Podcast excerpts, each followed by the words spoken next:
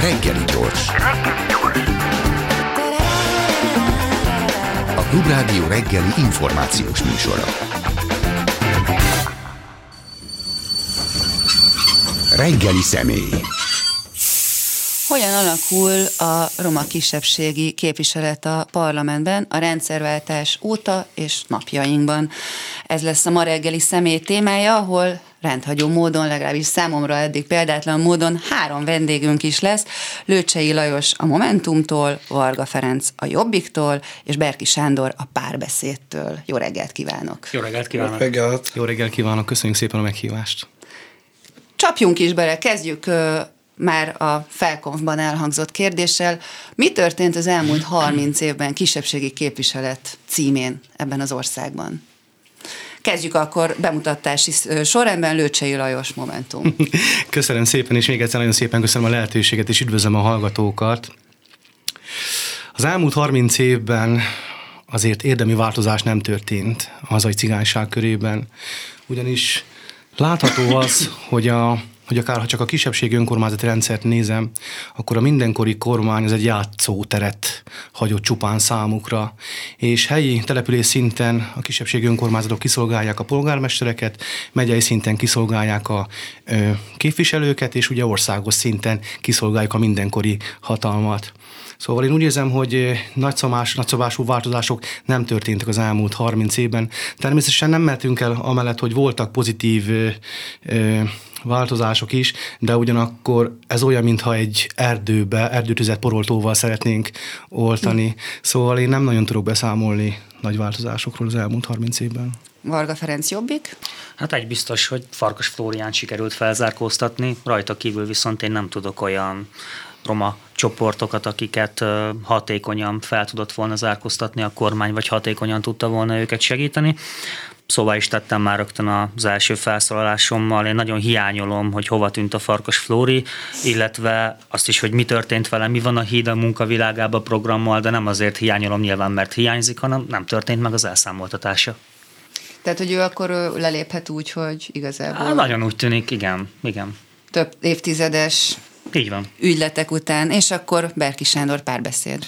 Jó reggelt! Hát volt azért szép időszaka is ennek az elmúlt 30 évnek. Volt egy rövid felfutás az elején, amikor azért például romákhoz köthető a népkonyha létrehozása, bizonyos szociális dolgok elindítása. Tehát az elején voltak erre szándékok, nagy lelkesedés, elindult egy olyan szerveződés, de azután az volt a probléma, hogy azok, akik ilyen vezetői szinten voltak, egyszerűen alkut kötöttek.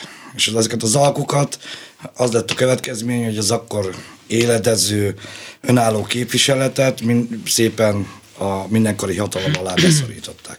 Tehát röviden összefoglalva a 30 évnek ez volt a nagy tanulsága, hogyha valami elindul, akkor azt meg kell őrizni. Ha valamit szeretnénk tenni, akkor, akkor nem kiszolgálónak, hanem tervezőnek, végrehajtónak, képviseletnek kell lenni. És azt gondolom, hogy most a, a 30 év után eljutottunk egy új kezdethez, tehát a mi személyünkben azt mondhatom, hogy az ellenzéknél van azért három roma származású képviselő, tényleg egy fiatal agilis, egy, egy csupa szív, Lajos. Mind fiatal, három fiatal. Há, igen, én vagyok egy kicsit idősebb. Én, én, én, én meg vagyok. Na jó, de te már nagyapa vagy. Igen, igen, igen, de összefoglalva, hogy nagyon bízok abban, hogy most kaptunk újra 30 év után egy lehetőséget, és én sosem felejtem el megemlíteni a negyediket, az pedig Stajka Attila, aki ugyanúgy a Fidesznél jelen van. Tehát tök mindegy, én mindig el szoktam mondani, hogy ezt, ezt most jegyezzük meg. Ez nem pártállás kérdése. Ez nem jobb és baloldali kérdés, a roma kérdés az, az, egy, az egy roma kérdés. És ezt a romáknak meg kell érteni, komolyan kell venni, hogy ebben nekünk is hely kell állni, bele kell jönni, és részt kell venni, akkor fog működni. Éppen ezt akartam kérdezni, hogy hol vannak a nők? Otthon reggelit készítenek a gyerekeknek, ha csak a saját házam táján. Na, a politikában egyébként kimondottan. Igen, igen, nagyon nagy hiány, úgy én is érzem, hogy nagyon nagy hiány, főleg a roma politikában egyre nagyon kevés. Tehát egy-két nevet tudunk női, mondani az elmúlt évtizedekből. A női politikus. Ugyanakkor elég sok agilis fiatal hölgy, értelmiségi hölgyet ismerek én is a társaságomból, csak ők ugye civilként próbálnak tevékenykedni, de mindig ezt szoktam mondani, hogy ha politikát akarunk csinálni, akkor pártokhoz kell csatlakozni. Szóval én is biztatom őket, hogy csatlakozzanak a pártokhoz, és kezdjék el azt a munkát, ami, mi, ami mi már végig, végig mentünk. Megjártuk a ranglétrákat, szóval hajrá, hölgyek is csatlakozzanak a pártokhoz. Kicsit nézzünk rá arra, hogy mik azok az állandóan visszatérő rendszer szintű problémák, amik a, a legkeményebb kerékkötői. Picit már erre ránéztünk, de hogy egy picit menjünk bele még jobban, hogy, hogy ami miatt tényleg az egy helyben toporgás jellemzi az elmúlt évtizedeket, hogy mi az, amiben újra meg újra beleszaladunk. Én úgy gondolom, ha válaszoltok a kérdésre Mindenki, először, persze. Én úgy gondolom, hogy az elmúlt uh, időszakból, ugye minden négy-öt évente látunk csodás uh, roma stratégiákat, és ahogy képviselőtársam is fogalmazott a felszólalásában, a papír az mindent elbírt, de ugyanakkor azt érezhetjük, hogy a valóban érdemi ténykedés, mell, ténykedésből hiányzik a politika, politika akarat. Én úgy érzem, hogy politika akarat nélkül nem lehet a hazai cigánság felemelkedéséről beszélni, ugyanis nagyon sokat kampányoltunk a képviselőtársam is az elmúlt időszakban, és jártuk a cigánytelepeket, és ahol nincs víz, nincs víz, nincs gáz, nincs eh, megfelelő úthálózat, eh, akkor, akkor miről is beszélünk. És oktatás. Szó, és ez meg a másik nagyon, nagyon fontos eh, téma, ami nekem kifejezetten szívügyem, hiszen az első felszólalásom is az esélyegyenlőségről és ezen belül az oktatásról szólt. Szóval én úgy érzem, hogy a visszatérő probléma az a politikai akarat hiánya. Mhm. szóval ezen kell változtatni az elkövetkező időszakban. Tehát ez nem is a Fidesz problémája, hanem a minden mindenkori kormányok részéről egy hiányosság. Egyértelmű, hogy roma politikát értékelünk, akkor mi nem csak az elmúlt 12 évet értékeljük, hanem az elmúlt 30 évet. Így van, azonban nem mehetünk el a mellett szó nélkül, hogy az elmúlt 12 évben semmilyen előrelépés nem történik. És én is azt látom, hogy igen, a politikai akarat az, ami nincs meg a pártokban, de ha mögé nézünk, hogy miért nincs meg, akkor azt gondolom, hogy itt ez lefektetni konkrét tényeket. Ez a politikai akarat azért nincs meg, mert Magyarországon a roma kisebbség száma akkora, hogy egyes településeken, főleg ahol vegyes listás választási rendszer működik, a cigánytelep eldönti, hogy ki legyen a körzetképviselője. Hova tovább, akár eldönti eldönti azt is, hogy ki legyen a település irányítója, ki legyen a polgármester. Sőt, nagyon nagyban befolyásolni tudja azt is, hogy ki legyen a kormánypárt. Pontosan ezért van meg a, a mindenkori politika, főleg a Fidesz elmúlt 12 évében az a hozzáállás, amit most látunk, hogy jó a romákat bután tartani, nem szabad őket engedni fejlődni, felzárkóztatni, mert ha ezeknek az embereknek kinyílik a szeme, akkor bizony-bizony komoly politikai súlyuk van. És nem húzzák oda az X-et, ahova mondják Így nekik. van, nem olyan könnyű megvenni a szavazatukat. Nem elég az egy kiló krumpli, az öt vagy a tízezer forint. Berki Sándor? Én még visszamennék egyet az előző kérdésre is, hogy hol vannak a roma hölgyek. Egyelőre még nem tart itt a kérdés, tehát most ezt kezeljük, a roma kérdést, ezt egyként kezeljük, ne bontsuk le most férfire és nőre. Én ugyanannyi, tehát én olyan szerencsés helyzetben vagyok, hogy körülöttem, hogy azokban a szervezetekben nagyon sok hölgy dolgozik. Tehát én, én szerintem még több, mint férfi. Az, hogy most pozíciót egy férfi tudott elérni, de igen, a célunknak kell lenni, hogy négy év múlva például igenis fel tudjunk mutatni egy hölgyet, ez egy jó célnak, és én azt mondom, hogy ez legyen egy célunk, hogy legyen. Egy helyben toporgás. Hát azért azt, azt figyelembe kell venni, hogy nagyon nehéz időszakon vagyunk túl, tehát sok-sok mindenkit megviseltek ezek a, az évek, elvesztek az érdeklődések nem csak a roma, hanem a többségi társadalomban is, de most egyszerűen azt kellene nézni, hogy, hogy itt egy új lehetőség, itt vagyunk mi hárman, és azt gondolom, hogy a mi célunk is az, hogy próbáljunk egy példát előállítani, próbáljuk meg azt megmutatni, hogy ennek van értelme, és igenis ne toporogjunk helyben. Ez, ez már szerintem kiléptette a roma ügyet, hogy mi bekerültünk a parlamentbe, és igen, nekünk az a felelősségünk, hogy ezt eljuttassuk, tovább vigyük, de viszont arra kell kérnünk ilyenkor ugye a roma társadalmat, hogy ők is ebbe csatlakozzanak bele. Mert a, nekünk csak annyi befolyásunk és annyi lehetőségünk van, ha milyen szinten ők ebben támogatnak minket. Tehát mi a hangjai vagyunk, de a cselekvéshez viszont szükségünk van rájuk.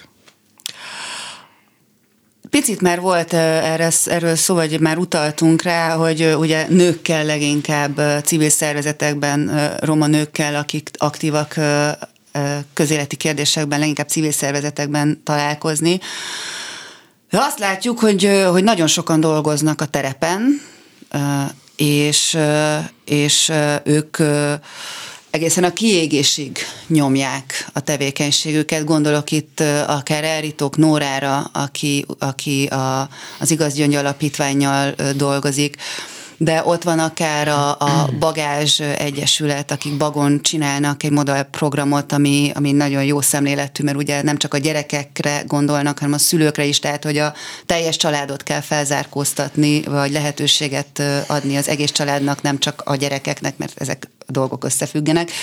Tehát vannak jó gyakorlatok, de pontszerűen az országban. Ezeket nem sikerül országos szintre emelni, illetve vannak akár politikusok által vezényelt történetek, mint Bogdán László féle modell, a Cserdi modell, ami ugye a, a, a vezető halálával úgy tűnik, hogy, hogy elfulladt, befulladt nem kapják meg azt a támogatást ezek a kezdeményezések, amik egyébként, tehát hogyha ezeket a rengeteg tapasztalatot és tudást, mert a tudás ugye a legnagyobb kincs, tehát hogy ez, ez tényleg GDP-be is lesz fordítható kincs a tudás, de ezeket a tudásokat nem sikerül országossá tenni, és igen, itt jön az, hogy itt csak Farkas Flórián sikerült felemelni,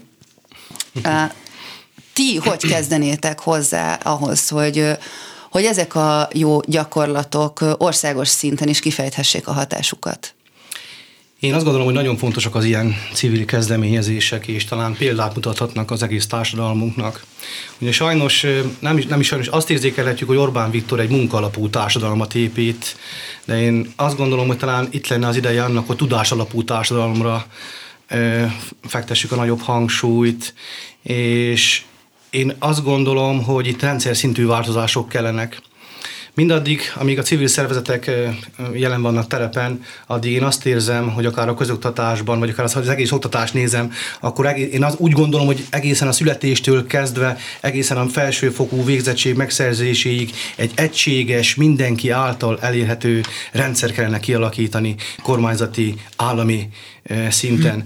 Gondol, csak gondoljunk abba, hogy, hogy a kormány 16 éves korra leszállította a tankötelezettséget. Már ezzel az egyetlen egy intézkedésével tízezerek hullottak ki a magyar közoktatásból, és a kampányunk során én több kis településen élővel beszélgettem, és amikor megkérdeztem tőlük, hogy hogy, hogy érzékelik azt, hogy, hogy milyen minőségben zajlik egy közoktatási intézmény, az oktatás, akkor mindenki azt mondta, hogy nagyon jó, és hogy elégedettek.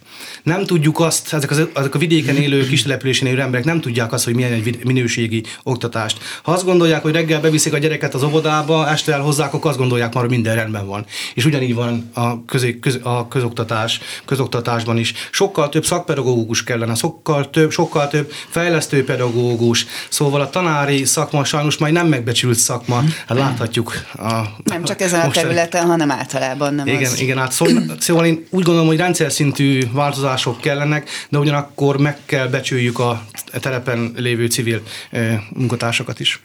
Így van, úgyhogy ezúton is köszönjük szépen a civileknek a munkáját, amit úgy végeznek, hogy nem kapnak ehhez megfelelő támogatást, és bizonyos településeken vagy kisebb közösségekben létre tudnak jönni jó gyakorlatok, de ugye az alapvető probléma ott van, hogy országosan ezeket a programokat nem tudjuk átültetni. És akkor egy konkrétan a kérdésedre válaszoljak, hogy miért.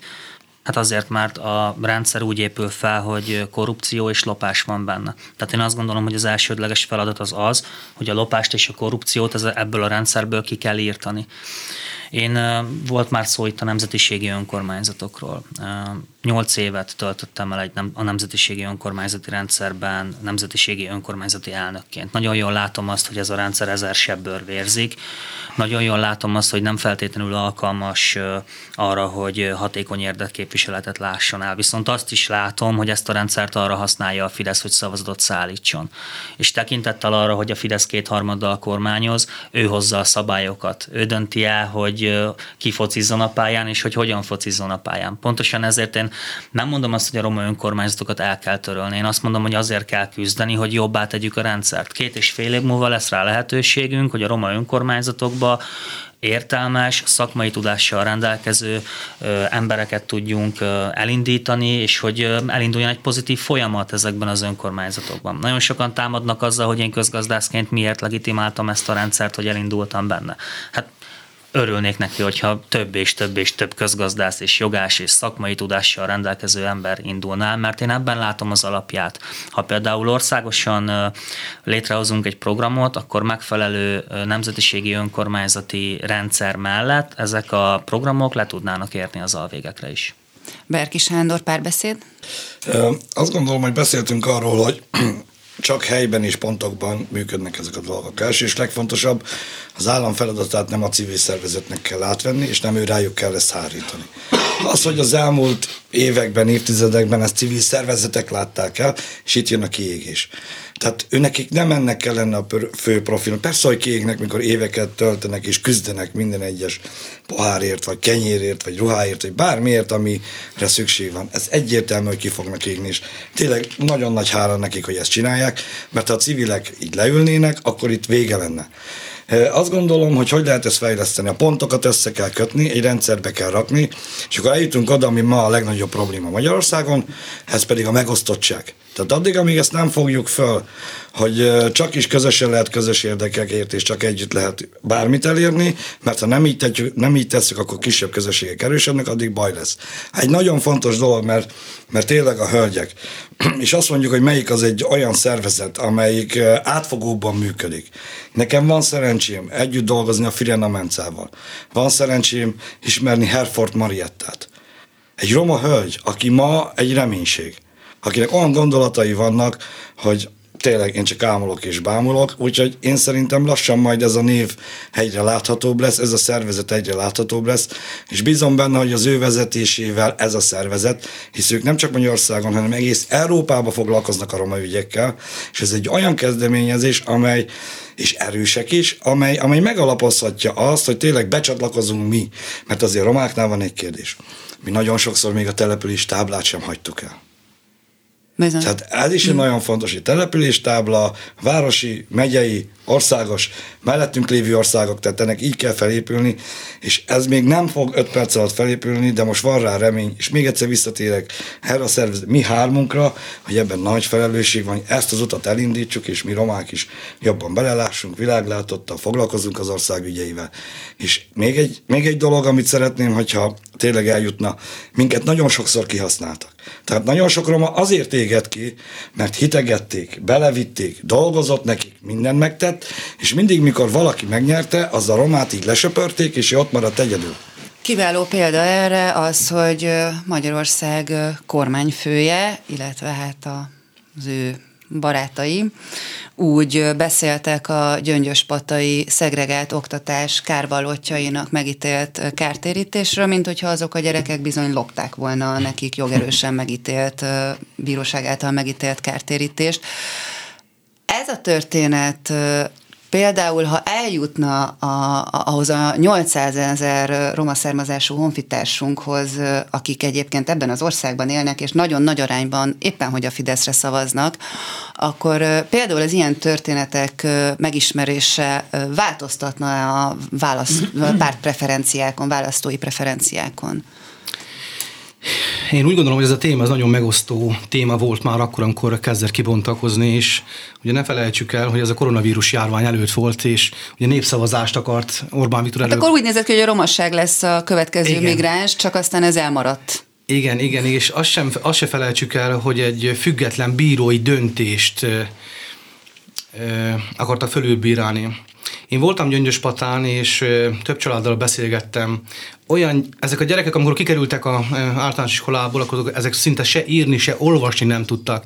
Szóval eszméletlen, hogy ott hogyan zaj, zajlott, és milyen körülmények között zajlott a közoktatás. És én ezért is mm, mondom azt, hogy rendszer szinten kell változást eszközölni, hogy legközelebb ilyen helyzetben ne kerüljön egyetlen közoktatási intézmény sem.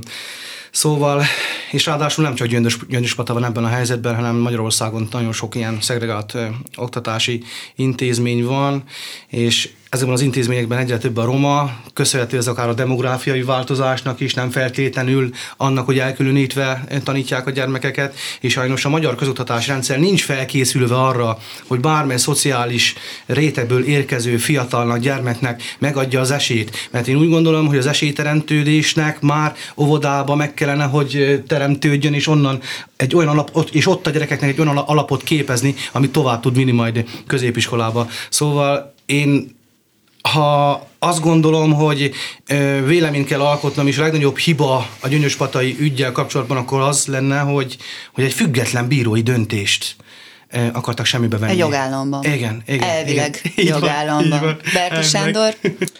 Igen. Ez a, ez a szegregációs kérdés, ez, ez még vissza fog térni, és sajnos azért, mert figyelembe kell venni, hogy felnőtt egy olyan generáció, aki nem tanult, nem dolgozott, és nem tett semmit, és ez pontosan a jelenlegi kormánynak ebben nagy szerepe van, hogy ezt előidézte. Ezeket új alapokra kell helyezni, és még egyszer nem fordulhat elő, ami Gyöngyös Patánál, és meg kell érteni a többségi társadalomnak. Amikor ők is arról beszélnek, hogy elviszik a gyerekeiket. Előbb-utóbb úgy az fog történni, hogy akkor is bedől az az iskola, és azoknak a gyerekeknek is újra kell menni valahova, és ha örökké ebben ők is partnerek, és nem állnak tényleg, és a romák is nem, nem nyitnak a többségi társadalom felé, és nem lesz közös az oktatásrendszer, akkor folyamatosan fenn fogjuk tartani ezt a problémát. És az, hogy valaki azt megengedi magának, hogy gyermekeket támad, tehát nekik járult, tehát tényleg abban mi, mi kivel, ezt hogy lehet megmagyarázni, hogy nyolc osztály után, vagy hetedik nyolc, nem tudnak írni, olvasni, számolni. Ezt hogy lehet megmagyarázni? Nyilván nem azért, mert hülyék. Így van. Ezt mire lehet fogni? Tehát ez, ez minden, tehát, tehát De ér... több ilyen per kéne, azt mondod igazából. E, nem is azt mondom, hogy per, mert lehet pereskedni, ennek is van egy értelme, de nem feltétlenül perekre gondolok, hanem arra, hogy ha van egy feladat, lássuk be, dolgozunk rajta közösen, és igen, ezt vegyük komolyan, hogy az oktatás, ahogy Lajos szokta mondani, azért az a jövőnk, és nem mindegy, hogy az a gyerek is hogy kerül ki abba az iskolába. Tehát, tehát a múltkor mondta, hogy most Oké, a múlt nagyon fontos, mindig abból tanuljunk, de akkor húzzunk most egy vonalat, vegyük ezt komolyan, hogy mit történt mindenki, és akkor indítsuk újra ezeket a rendszereket, és tényleg törekedjünk arra, hogyha már van egy általános iskolai rendszerünk, van egy óvodánk, most is nem is megyek tovább, akkor abból úgy kerüljenek ki a gyerekek, hogy megismerik egymást a roma gyerekek, a többségi társadalom gyermekei, és valamilyen képzettség, tehát írni, olvasni, számolni, felkészíteni, jöjjenek ki a gyerekek, akkor végrehajtottuk a feladatot. De ha ezt nem hajtjuk végre egy állami intézménybe, akkor igenis ez az állam felelőssége. Ha már gyerekként szétválasztjuk a, az embereket, akkor hogyan várjuk tőlük, hogy felnőttként jól éljenek együtt, és akkor még nem kérdeztük Varga Ferenc jobbik? Alapvetően én azt látom, hogy a Fidesz részéről ezek tudatos kiszólások.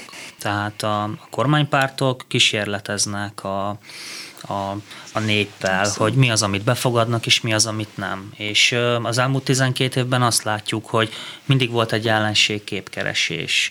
Itt volt nekünk Soros, Gyurcsány, a migránsok, Brüsszel, és itt, itt, itt jött volna be a képbe a cigányok. Szerintem mit kezdte el a Fidesz hát ez egy tesztelési szakasz volt, az egyértelmű azt a, volt. Azt a politikát, ami a következő választásokra a, a magyar cigány együttélés körüli negatív hatásokból kifolyólag hozta volna meg nekik a győzelmet, csak ugye a sors közbeszólt, és jött nekünk a, a vírus, meg a háború. Bele sem merek gondolni, hova na, lyukadtunk volna. Nagyon ki. jól láthatjuk azt, hogy például a háború is mennyire jól jött a, a Fidesz kormánynak, hiszen március 15-től a, a retorikájukat teljesen átfordítva csak a háború vagy béke szlogennel ekkora győzelmet tudtak aratni. Úgyhogy én azt gondolom, hogy nekünk ebben hatalmas felelősségünk esélyünk van, hogy amikor majd a magyar cigányságot támadják, akár a Fidesz, akár a másik szélső jobb a mi hazánk oldaláról, akkor nekünk össze kell fogni, és ki kell állni, és nem szabad engedni.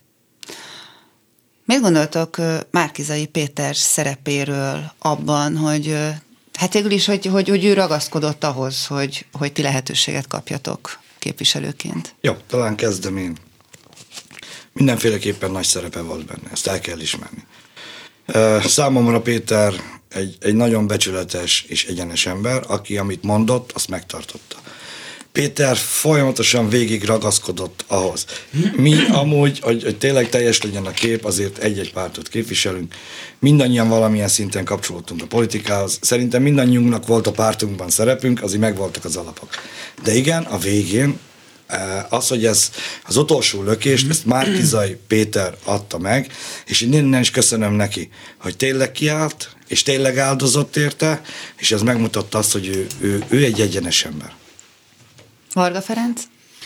Én azt gondolom, hogy a Péter személye megkerülhetetlen a, megkerülhetetlenné vált a mögöttünk lévő kampány során a magyar cigányság tekintetében, mert ő volt az az ember a politikai palettán, aki tényleg nyíltan és, és nagyon határozottan kiállt a magyar cigányság mellett, és lehet, hogy a kampány során voltak olyan dolgai, amivel nem értettem egyet, azonban a cigányság, vagy a cigányügy tekintetében le a kalappal a Péter előtt, és azt gondolom, hogy mindenki köszönheti neki azt a munkát, amit letett az asztalra. Lőcsei Lajos, Momentum. Egyet kell, hogy értsük a képviselőtársaimmal, én is köszönettel tartozok neki. Az előválasztáson én ugye megmérettettem magam, és az első találkozásunk az egy 60 fórum.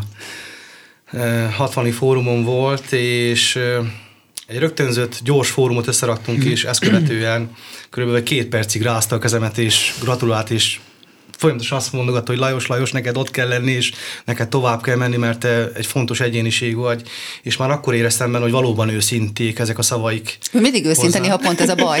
igen, igen, talán igen. Talán az őszintesége vetette az X-et a homlokára, sajnos. Szóval igen, és, és azt ne felejtsük el, hogy az első politikus volt a, a jelöltek közül, aki valóban érdemben szólt, értünk, hogy valóban legyen reprezentálva a Magyarország legnagyobb kis közössége a parlamentben.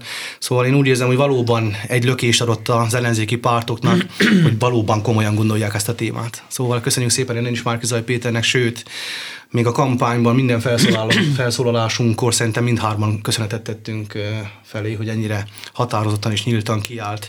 De ugyanakkor a pártjaink voltak azok, akik szerintem a zíra pontot tették, mert attól függetlenül lehetett volna bármilyen jelölt is, hogyha a pártjaink nem lettek volna nyitottak arra, hogy valóban megtegyék azt a lépést. Hát erre mondjuk nehéz lett volna azt mondani, hogy nem.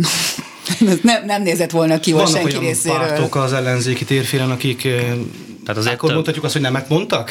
Igen, Volt, hát akinek azért sikerült. Tulajdonképpen a... több mint három ellenzéki párt van, tehát voltak olyan pártok, akik mm. azt mondták, hogy nem, mert ilyen és olyan okoknál fogva ők nem szeretnének romát látni a listájuk. Nyilván nálunk a, a néppárti jobbikban megvolt erre a retorika is, megvolt ennek a miértje, ugyanúgy, ahogy a... A, a jobbiktól a, különösen fontos húzás így volt van, ez. Így van, ugyanúgy, hogy a Momentumnál és a párbeszédnél is, mert ugye a kampányfőnökként én is rengeteget letettem az asztalra a pártnál, és a mai napig civilként ülök bent a pártban, tehát nem vagyok pártag, de ettől függetlenül én azt gondolom, hogy ez egy olyan pozitív és a jövőben mutató lépés volt a pártomtól, aminek nagyon bízom hogy benne, hogy meg lesz majd a hatása. Még egyet. Még egy mondatot, hogy ezt hozzátehetek, és azt tudni kell, hogy mi Lajossal már előbb is tartottuk a kapcsolatot, tehát mi, amit, amiről beszélünk, az gyakoroljuk is. Ferivel is. Tehát mi tényleg szeretnénk ezt, hogy együttműködés, összefogás bemutatni, még ha más pártokhoz tartozunk, egymáson is. És tényleg ez a három párt volt az, amelyik igenis lehetőséget adott a roma származásúaknak. Még egy mondatban megengedik, én megköszönöm a párbeszéd tagságának, mert nálunk én szavazás által alanyi jogon kerültem fel a párbeszéd listájára. Ez egy szinte egy történelmi esemény volt. És ráadásul ezek, ennek a következménye, és tényleg még egyszer Péternek is, és az ellenzéki pártoknak is közösen megköszönöm, és a saját pártomnak is, hogy az első 15-ben szerepelhettem uh-huh. az ellenzéki közös listán ezeket figyelembe kell venni, hogy ezek, ezek olyan jelek, amelyek által eh, az ellenzék igenis közeledik a roma társadalomhoz. És itt megint egy, azt kell mondani, hogy meg kell érteni a, a, a, akár a többségi társadalomnak is, akár a roma társadalomnak is, hogy nyissunk már egymás felé, adjunk már egymásnak lehetőséget, gondoljuk újra ezeket a dolgokat, akkor lesz változás. Említettük már, hogy van itt nekünk 800 ezer roma honfitársunk, ez durván a magyar népesség 8-10 százaléka. Én azt gondolnám, hogy egy parlament akkor néz ki emberségesen, hogyha ö, nagyjából leképezi a társadalom összetételét, az ott ülő képviselők összetétele. Tehát ez alatt azt értem, hogy mondjuk közel a képviselők fele nő, és mondjuk a képviselők 8-10 százaléka roma származású. Persze egy ideális világban ennek halál mindegynek kéne lennie, mert nem is lenne szükség ilyenfajta megkülönböztetésre. De mivel lehet magyarázni azt, hogy az elmúlt 30-35 évben roma származású képviselőt kisebbségi képviselőként láttunk leginkább a parlamentben, de olyat, hogy valaki amúgy mintegy mellesleg egyébként roma származású és képviselő, ilyet nagyon-nagyon elvétve csak. Miért nem vonzó a, a, a roma fiatalság, a roma értelmiség számára a politikusi pálya, és hogyan lehetne azzá tenni? Ha válaszolatok, akkor... Kezdjük akkor Rőcsei Lajos Momentummal. Szoktuk kezdte. hát ő van középen. Igen. Én úgy gondolom, hogy nagyon sok fia... Én a romák helyzetéről, a cigányság helyzetéről szeretnénk erről beszélni egy pár gondolatot, ugyanis én megméretettem magam, mint polgármester jelölt a helyi kisközösségemben, Tarnajörsön, és megméretettem magam az előválasztáson is. És talán érezhetjük azt, hogy a mai politikai kultúrában a többségi társadalom nem nyitott még arra, hogy romát válaszanak akár egy felsővezetői pozícióban, mint akár egy polgármester, vagy akár egy egyéniben megválasztott képviselő. Az elmúlt évek során hatalmas árkok keletkeztek a többségi társadalom és a hazai cigányság között. Csak egy pár példával éljek már az önkormányzati választáson és az előválasztás során is nagyon sok, még ellenzéki szavazók is a fejemhez vágták azt, hogyha egy cigány kerülne oda, akkor lopna, csalna, hazudna. Szóval elítéltek azért, amit még el sem követtük. Követtünk. Elítéltek, pedig még ott sem voltunk. És csupán egyetlen dolog volt, ami bűnünk, az, hogy cigánynak és romának születtünk. Szóval nincs meg a többségi társadalomban az a, az a szolidaritás, hogy végre, hogy végre cigányt is megválasztanak, hogy végre megbecsült a társadalom hasznos tagjai tagjai lehessünk. Szóval ezeket az árkokat be kell, hogy temessük. Most itt vagyunk mi hárman is, most nekünk megvan a lehetőség arra, hogy bizonyítsunk, hogy vagyunk mi is annyira magyarok, mint amennyire azok az emberek gondolják magukat magyarnak, akik most a jelenlegi országgyűlésben, vagy akár eh, magasabb pozícióban dolgoznak. Azért szóval... ez egy nagyon fájdalmas mondat volt.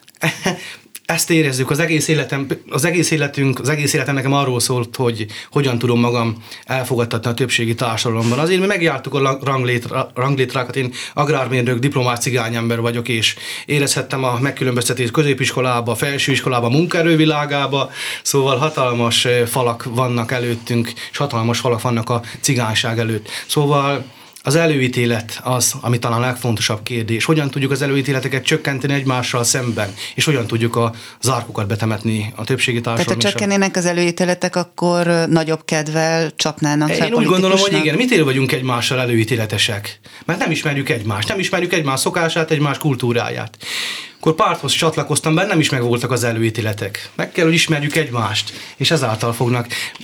Van egy kialakult vé, vé, kép az hazai cigánságról, hogy mi lopni, csalni és becsapni másokat születtünk erre a világra. Hát ez nem így van. Ezért kellene, hogy jobban megismernek bennünket. Ki folytassa, Berki Sándor vagy Varga Ferenc? Sanyi nyugodtan. Jó, tehát hogy miért nem a politika felé miért nem jönnek, azt, azt egyet meg tudok ígérni mindenkinek, bármilyen származás, hogyha a politika felé jön, csalódni fogsz. Erre garanciát vállalok bárkinek. Na ez az, amikor ezen át tud lépni, na akkor tud politikával foglalkozni. Uh-huh.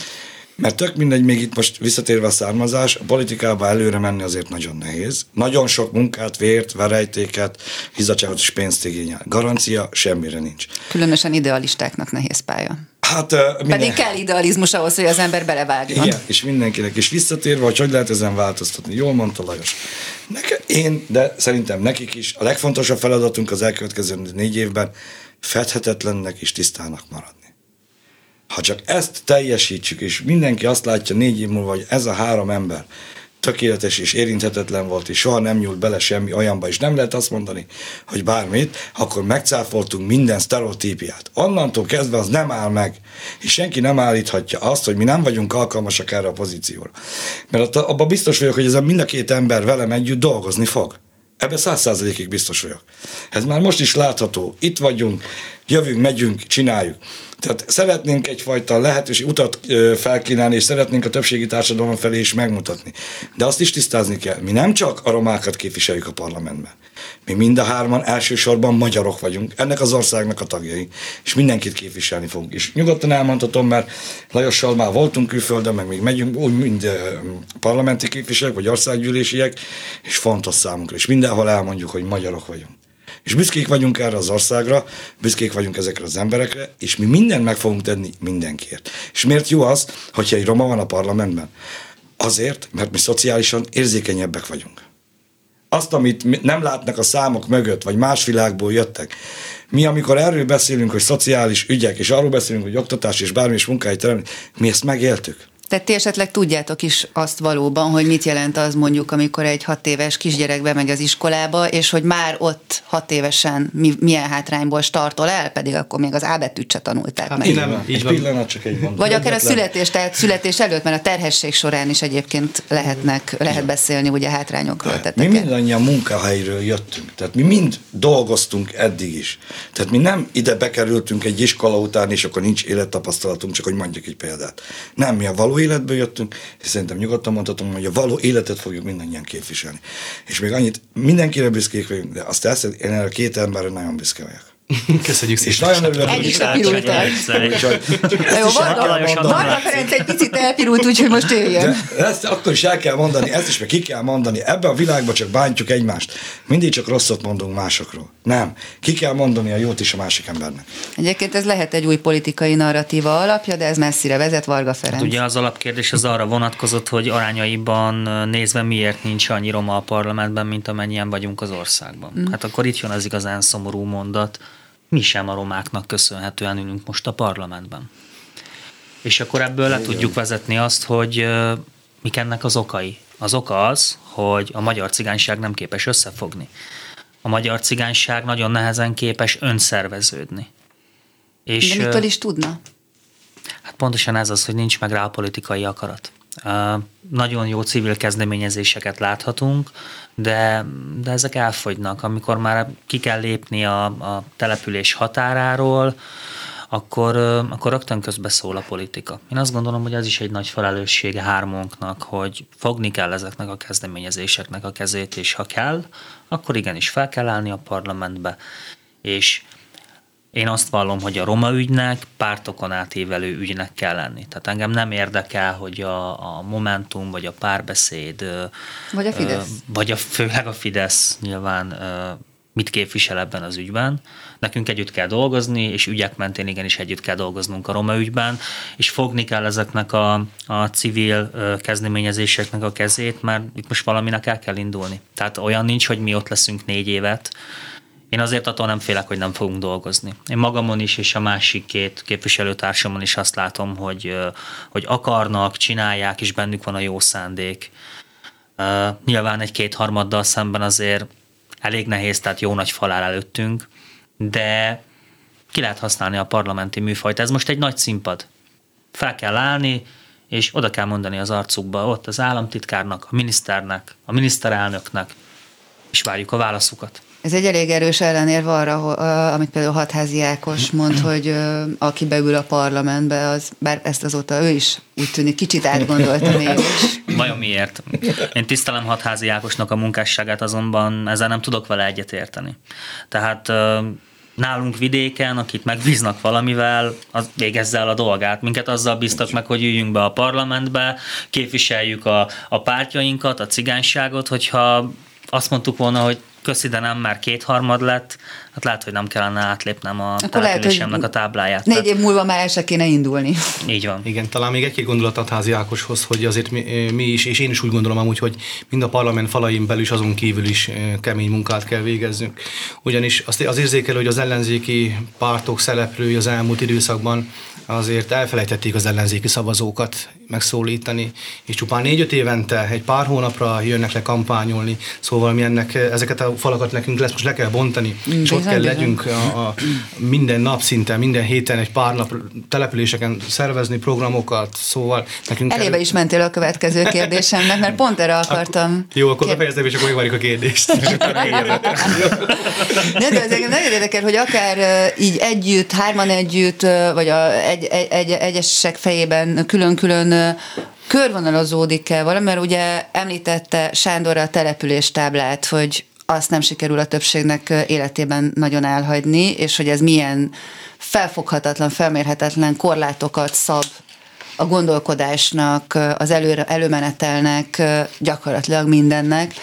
Van-e már koncepció a fejetekben, vagy, vagy, vagy terv arra, hogy hogyan alakítjátok ki az ezzel kapcsolatos koncepciót, hogy mitől működik mondjuk a katolikus egyház? Hát attól hogy mindig el kell menni a templomba, ott találkoznak a hívek, dzsemborik vannak, és akkor ott meg mindenfelől jönnek a hívek, és akkor találkoznak. Tehát, hogy, hogy valószínű, hogy ez egy fontos lépés lenne, hogy, hogy kibillenteni az embereket abból a, de hát ez, ez nagyon lehetetlennek is hangzik, hogyha valaki tényleg ül egy településen, ahol nincsen munka, de még ráadásul tömegközlekedésen nagyon van olyan helyre, ahol meg amúgy lenne munka, de iskola sincsen legalább, vagy ami van, az olyan fokú szegregált oktatást biztosít, amit oktat gyermekmegőrzőnek is bajosan lehetne nevezni.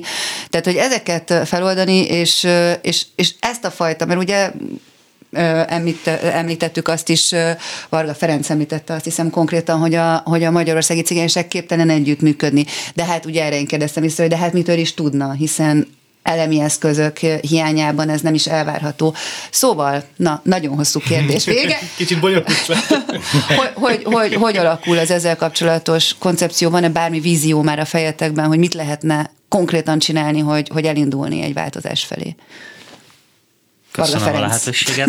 Én azt gondolom, hogy minél többet menni, menni és menni. Én például két héttel ezelőtt Szabolcsi általános iskolás gyerekeknek mutattam meg a parlamentet. És én azt hiszem, hogy ezeknek a gyerekeknek ez egy hatalmas nagy élmény volt. Nyilván azon kívül, hogy a monumentális épületet megtekintették, beszélgettem velük rengeteget. Felhívtam a figyelmüket a tanulás fontosságára, nagyon sokuknak például közmunkás volt az édesapukája, édesanyukája, és én valahogy azt látom, hogy nincs előttük pozitív példa. És fontos, hogy állítsunk nekik pozitív példákat. Tehát én elmondtam nekik, ha tanulnak, akkor nekik is lehet az a munkahelye, ami most az enyém. És abban a gyönyörű épületben, ami a Magyar Parlament, dolgozhatnak ott ők is. Tehát el lehet ide jutni a, a nyomorból és a szegénységből is, de ehhez nagyon-nagyon sokat le kell tenni az asztalra. Én a mai napig azt látom, hogy a, az okos és értelmes és ez nem feltétlenül cigány kérdés, szegénységben élő gyermekek nagyon simán el tudnak karlódni. Tehát a telepeken azt látjuk, hogy nagyon sok helyen például drogoznak, ez nem is drog, hanem inkább méreg, amit ők használnak. Igen Látjuk a munkanélküliséget, a szegénységet, sajnos sok esetben látjuk a cigány-magyar együttélésnek a negatív dolgait is, és hát ember legyen a talpán az a, az a kisgyerek, aki, aki beleszületik ebbe, és mondjuk letesz egy diplomát, vagy egy életképes, piacképes szakmát tud szerezni. Én azt gondolom, hogy az elsősorban az a feladatunk, hogy nekik, akik nyújtják feléjük a, felénk a kezüket, mi is segítőkezet tudjunk nyújtani. És hát nyilván hárman ehhez édes kevesek leszünk. Én itt rácsatlakoznék arra, amit a Sanyi említett, hogy oké, okay, hogy mi ott vagyunk a parlamentben, és kezdeményezünk pozitív dolgokat, de ha nem lesz mögöttünk társadalmi támogatottság, akkor gyakorlatilag halottnak a csók. Tehát semmit nem fog érni. Például én említettem a nemzetiségi önkormányzatok rendszerét, hogy véleményem szerint rossz a rendszer, de jobbá kell tenni három törvénymódosítást adtam be ezzel kapcsolatban, 30 napon belül fogja majd tárgyalni a, az egyik bizottság a parlamentben. Ezek közül az egyik az, hogy azon települési önkormányzatok, ahol működik nemzetiségi önkormányzat, kapjanak plusz forrást a települési önkormányzatok, hogy normálisan elvégezzék a nemzetiségi önkormányzatnak a működtetését. A feladat alapú támogatásokra föl lehessen lebbezni, jelenleg úgy működik a rendszer, hogy kiadják hasraütésszerűen a pontszámokat, és nem, még csak föllebbezni sem lehet már rá, mert elvették a lehetőséget. A harmadik pedig, hogy ne öt évente, hanem minden évben legyen kötelező felülvizsgálni a települési és a nemzetiségi önkormányzat között az együttműködési megállapodásokat. Eddig ez így volt, valamiért ezt is elvették, nyilván az okait kifejtettük már, hogy, hogy mégis miért, folyam, miért rúgnak bele folyamatosan a, a nemzetiségi jogokba. Úgyhogy én azt látom, hogy ha ilyen pici pozitív dolgokat megpróbálunk átvinni, akkor az bizony-bizony segíthet. Hát például itt van a feladat alapú támogatás, nagyon sokan érvénytelen pontszámot kaptak, mert a településeiken a jegyző nem adta át nekik azt az információt, hogy a vészhelyzet miatt, a járványhelyzet miatt egy testületülést és egy közmeghallgatást kell tartani. Valahol megtartották, de a jegyzőkönyvet nem adta le például a a települési önkormányzat, és ugye semmilyen eszköz nincs a nemzetiségi önkormányzat kezében, hogy tudjon segíteni. Nálunk például a mi településünkön a feladat alapú támogatásból tíz gyermeknek támogattuk minden évben a tanulmányait anyagilag, és a tavalyi évben a tíz gyermeknek volt 4,7 a tanulmányi átlaga. Tehát miről beszélünk, amikor... Helóka. Igen. Tehát ez Helóka. hatalmas 4,7 azt 4,7, így van. Uh-huh. Na ezen gondolkodjon el mindenki. Van még körülbelül három percünk, hogy hasonlóan magvasakat mondjunk, én most egy picit lesokkoltam. Mármint nem azon, mert miért ne lenne 4,7 nekik, de annyira tényleg na, ez szívettépő, hogy csak egy kicsit kell befektetni, tehát pont annyit, hogy esélyt adni, és tessék ott a 4,7. És, és ez nem kerül pénzébe a kormánynak, tehát nem mondhatja azt, hogy most válságos idők vannak, nem tudunk segíteni, mert kell a pénz a gazdaságra, mennyire vagy bármire kell. Tehát mondjuk egy 10-20 éven belül mennyire megtérül egy 4,7-es politikai átlagú. szándék kellene hozzá, ami meg is volt, de nem pozitív a szándék, hanem negatív. Tehát ahelyett, hogy segítenék a rendszert, még több és több jogot elvesznek tőlük. Berki Sándor? A legfontosabb, hogy mit lehet tenni, nekünk folyamatosan jelen kell lenni, és én azt eldöntöttem, hogy teljesen be fogom mutatni, hogy milyen például egy országgyűlési képviselő élete, lehetősége, munkája, ezzel is közelebb hozva az embereket, és igenis kinyitni azokat a zárt ajtókat, amelyekkel így függönyen. Közösségi építésben nagyon fontos a jelenlétünk, ami van erőforrás, abból szervezünk, elmegyünk, szerintem bárhova meghívnak minket, mi ott leszünk, mert, mert ez nagyon fontos. Kézzelfogható dolgok. Én eh, most indítok be egy gyakornokrendszert, tehát én mellettem mindentől kezdve három hónapos váltásban, négy éven keresztül eh, lehetőséget adok arra, hogy beletekintsenek, és megpróbálom úgy ezt összeválogatni, hogy különböző megyék, különböző településekről, és ezt meg fogjuk oldani, hogy legyen egy képe, és akinek már ő elmondja, a, akkor az is megkapta ezt a tudást. Tehát, és akinek tehetsége van, esetleg maradjon is. Itt most az én programomban nem fog tudni maradni, mert azért... Nem a politikai környékén. Igen, de viszont, hogyha valaki jó gyakornok, valaki belejárt, valaki felismeri ennek a lehetőségét, később kaphat ebbe állást. Természetesen amúgy ez, ez fizetős, de nem kell, zsebkézre kell gondolni, mert itt tényleg olyan jöjjön, aki szeretne nézelődni, tanulni, gondolkodni, önmagának lehetőséget nyitni. Tehát ez az alapja a politikának. Tudás. Tehát a politika alapja, hogy legyen benne nyitottság, önmagát is akarja. Tessék.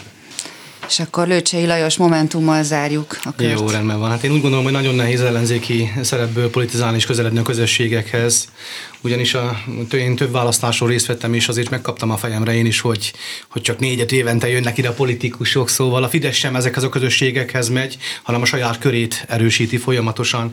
De úgy érzem, hogyha a megfelelő ügyeket fogunk felkarolni, akkor talán megszólíthatóak ezek a közösségek is, ott kell legyünk közöttük. Csak egy példát szeretnék mondani, ugye én is felkaroltam egy ügyet, az I és Gyula esélyegyelőségi programot, amit a Corvinus Egyetem indított, tíz fővel indítja el ezt a programot, és levelet írtam a rektor úrnak, parlamenti felszólalásomban említettem, hogy ezt a tíz főt, azt úgy érzük, hogy nagyon kevés, és hogy bővítse ki. Szóval innen is szeretném üzenni Takács előtt rektor úrnak, hogy válaszoljon a levelemre végre, és bővítse ki a programot, hogy minél több hátrányos eredetű gyermek esélyt kapjon egy új életre, egy új jövőre. Szóval én hát úgy érzem, hogy már változást hoztunk amúgy az ellenzéki politizálásból, hogy itt vagyunk. Sokkal színesebb a parlamenti ellenzéki oldal. És sokkal úgy érzem, hogy... van a cigányságról. Igen. És bedobtunk egy kavicsot a tengerbe, a tóba, és most úgy érezzük, hogy kezd hullámozni, akár már miattunk is. Szóval figyeljék a mi munkásságunkat, kövessék az oldalainkat. Úgy érzem, hogy sok mindent meg fogunk tudni mutatni az elkövetkező időszakban több mint kíváncsian várjuk. Én legalábbis ezt a beszélgetést már is nagyon élveztem, úgyhogy e- egy, egy követőt már biztosan nyertetek magatoknak. A követőt nyerték maguknak Lőcsei Lajos Momentum, Varga Ferenc Jobbik és Berki Sándor párbeszéd.